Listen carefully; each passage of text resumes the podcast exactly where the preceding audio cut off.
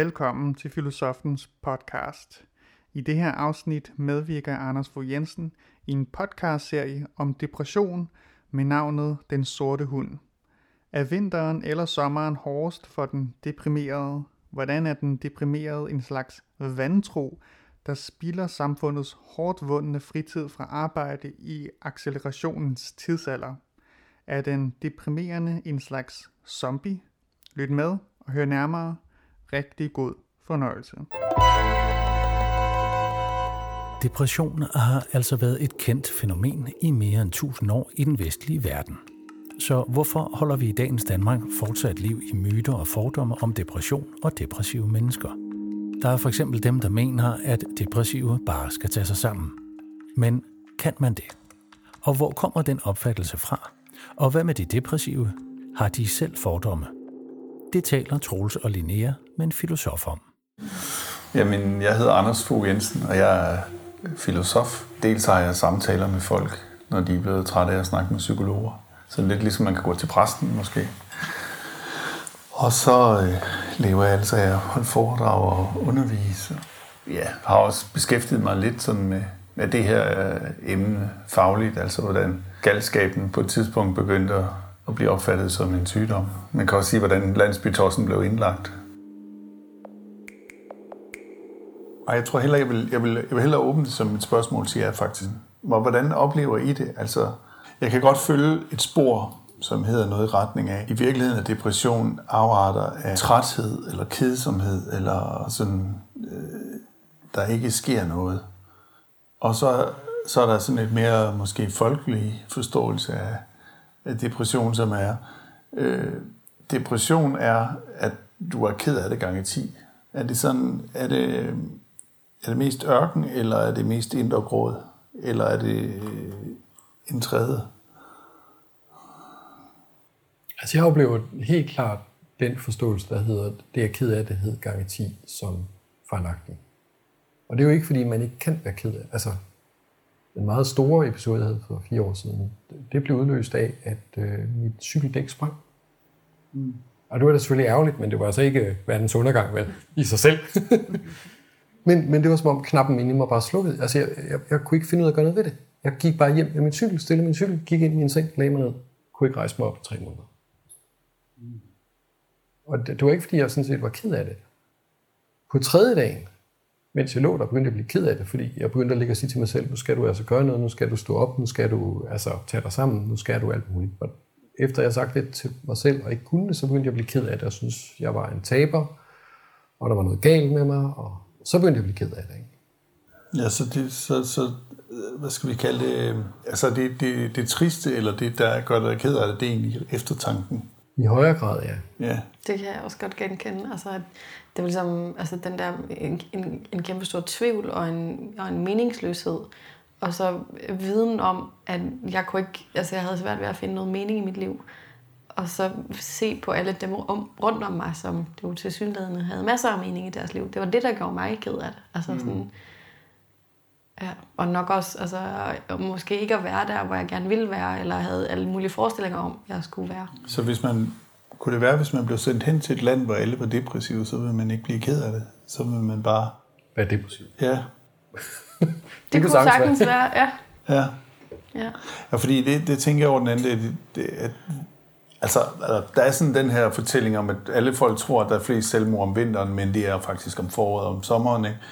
Og på samme måde tror jeg også, at det kan være for næsten sværere at være depressiv om sommeren øh, end om vinteren. Men jeg tror, at dissonansen mellem, hvordan der er inde i en og hvordan der er udenfor, den er, den er lidelsesfuld. At, at man ikke kan resonere med de andre, ligesom de andre øh, glædes over lysen og, og bolden og dansen. Og... Jeg oplevede virkelig også, at, at, at det der pres for at være glad, det er meget større om sommeren det er nemmere sådan om vinteren. Oh, altså. Man har lov til at, at sige, at det er en øvedag, det er gråvejr, og det er koldt, og ja. nu vil jeg bare hjem og drikke kakao og ligge under min dyne. Mm. Altså, det har man lidt mere lov til om vinteren. Mm. Ja. Ja, også om sommeren med, at solen faktisk skinner, og det er lækkert vejr, og sådan, hvorfor er jeg ikke udenfor?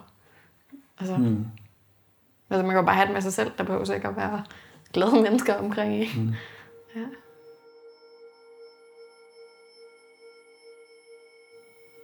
Jeg tror, at det kan være sådan næsten en desperation over den livstid, der bliver spildt, eller sådan, den, den, den depressiv på en måde også er øh, næsten pervers på den måde, at han spilder tiden. Han, men han gør det jo ikke med vilje, så på den måde er det noget andet end, end en perversion. Ikke? Men vi lever i en kultur, der er meget accelereret, hvor alting går rigtig hurtigt, hvor vi skal kommunikere med rigtig mange, hvor vi kan fylde alle pauser ud med alt muligt, og hvor alle teknologiske landvindinger går på, at tingene kan gå hurtigere.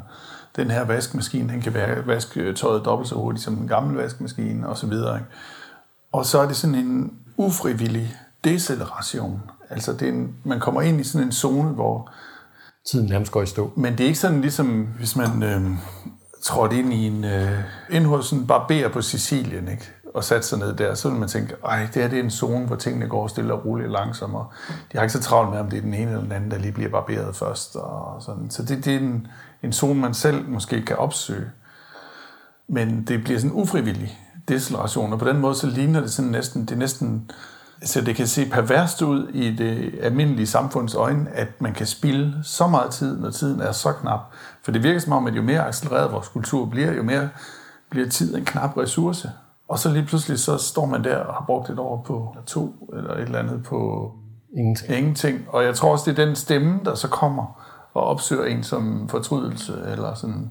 Øhm, og at hvis vi levede i en kultur, der ikke var så accelereret, så, så, så vil vi ikke blive opsøgt så meget af tanken om spildt liv.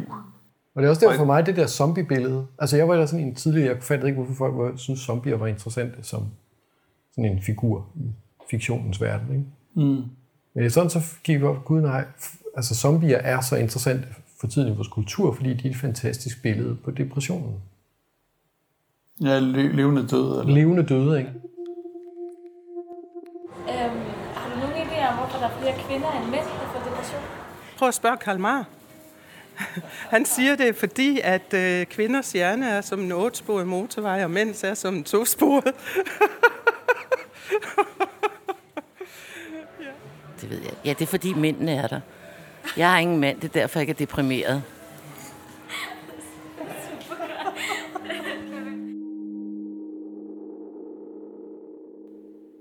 Jeg er optaget af, at der er rigtig mange unge mennesker, og specielt unge kvinder, øhm, der lige nu, øhm, eller ikke lige nu, men i hvert fald i højere grad nu får diagnosen depression. Øhm, og, altså, og lider af psykiske lidelser en, en, en stigende grad.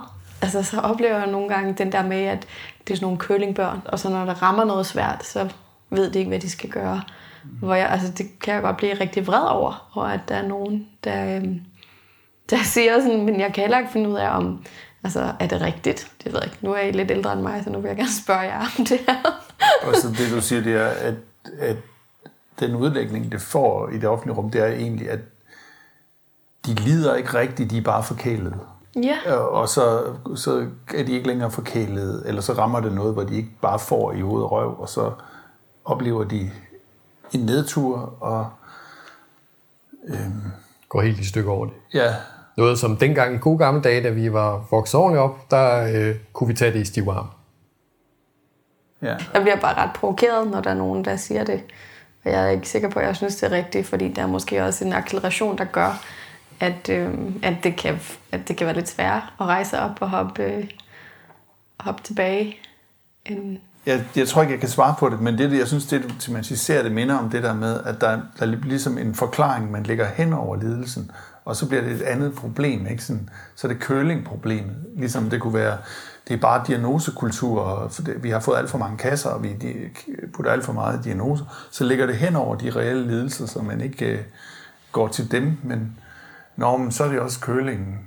Så er det det, vi kommer til at tale om i stedet for. Mm, og så skal vi skille forældrene noget i stedet for børnene, eller ja. Ja, eller børnene skal tage sig sammen, eller alt muligt, siger vi så. Øh, men, men, men det kommer til at skygge for, eller kommer til at lægge hen over, øh, at det faktisk er et menneske, der, der er ramt af lidelse. Jo, og jeg tror, man netop gør det, fordi det er, tror jeg, for de fleste mennesker svært ved at forholde sig til et uløseligt... Altså, depression er ikke bare noget, der fikses. Mm. Altså, derfor vil man gerne have den der øh, færdigpakkeløsning, hvor man siger, om det er fordi, de er curlingbørn. Og så kan vi bare sige til dem, så tager jeg sammen. Jamen nu øh, siger du, du har haft depression. Hvad hjælp for dig?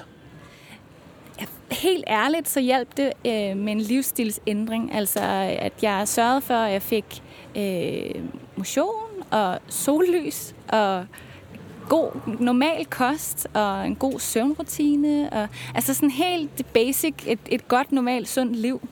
Men, men det er jo der, hvor, en, altså, hvor man kunne finde på at sige, at du skulle bare tage dig sammen. Var det mm. det, du gjorde? Ja. Ej, jeg fik noget hjælp til det. Øh, jeg fik noget hjælp til det af min familie, men, men i princippet, for at være rigtig irriterende, så ja. Jeg, jeg skulle tage mig sammen til at, at skabe nogle gode, faste rammer, sunde rammer for mig. Vi talte om, at, at fortrydelsen eller, eller følelsen af at spille eller have spildt var en tillægslidelse. Og mm, tillægslidelse, tillægslidelse ja. Ja, fordi kom, det jeg mener med tillæg, det er, at de kommer ikke bagefter, de, kommer, Nej. de kan godt komme oveni også.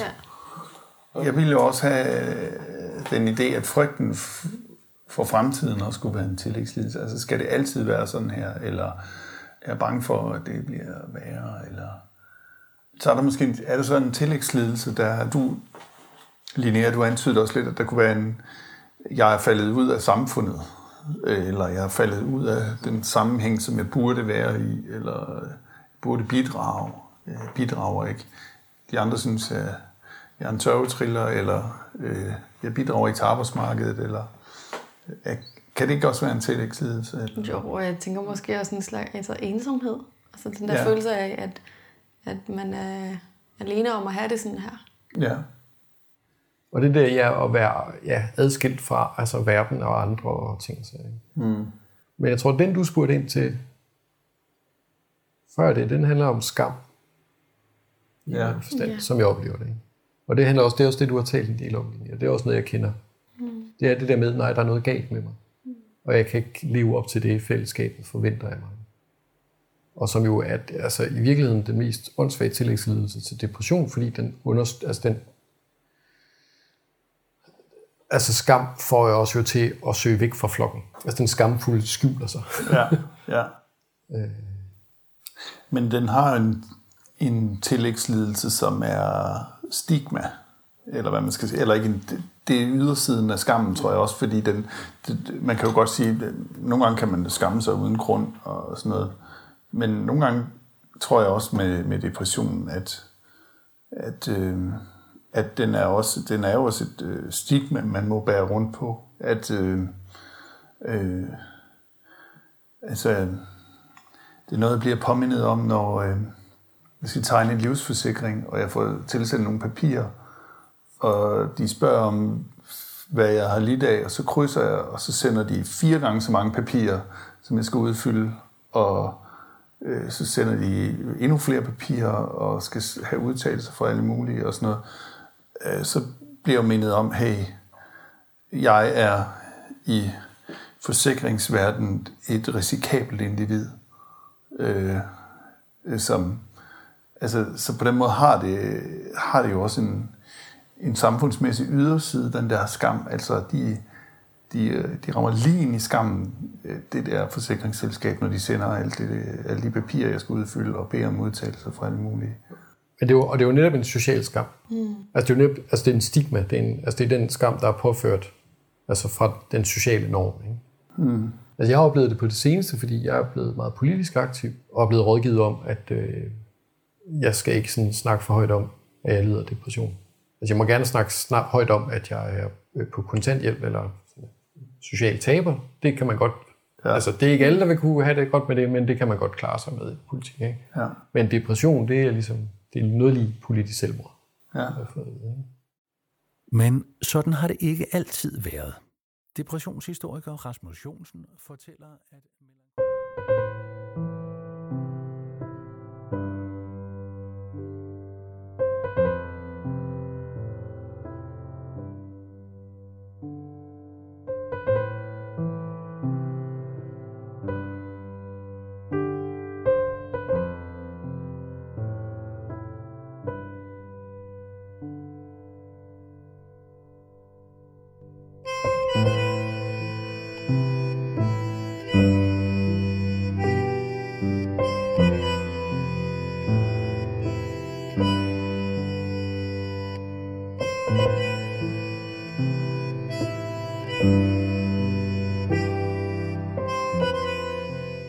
Du har lyttet til Filosofens podcast. Se mere på min hjemmeside filosofen.dk og tag med mig på dannelsesrejse. Se dannelsesrejser.dk. Mit navn er Anders Fogh Jensen. Tak fordi du lyttede med. thank you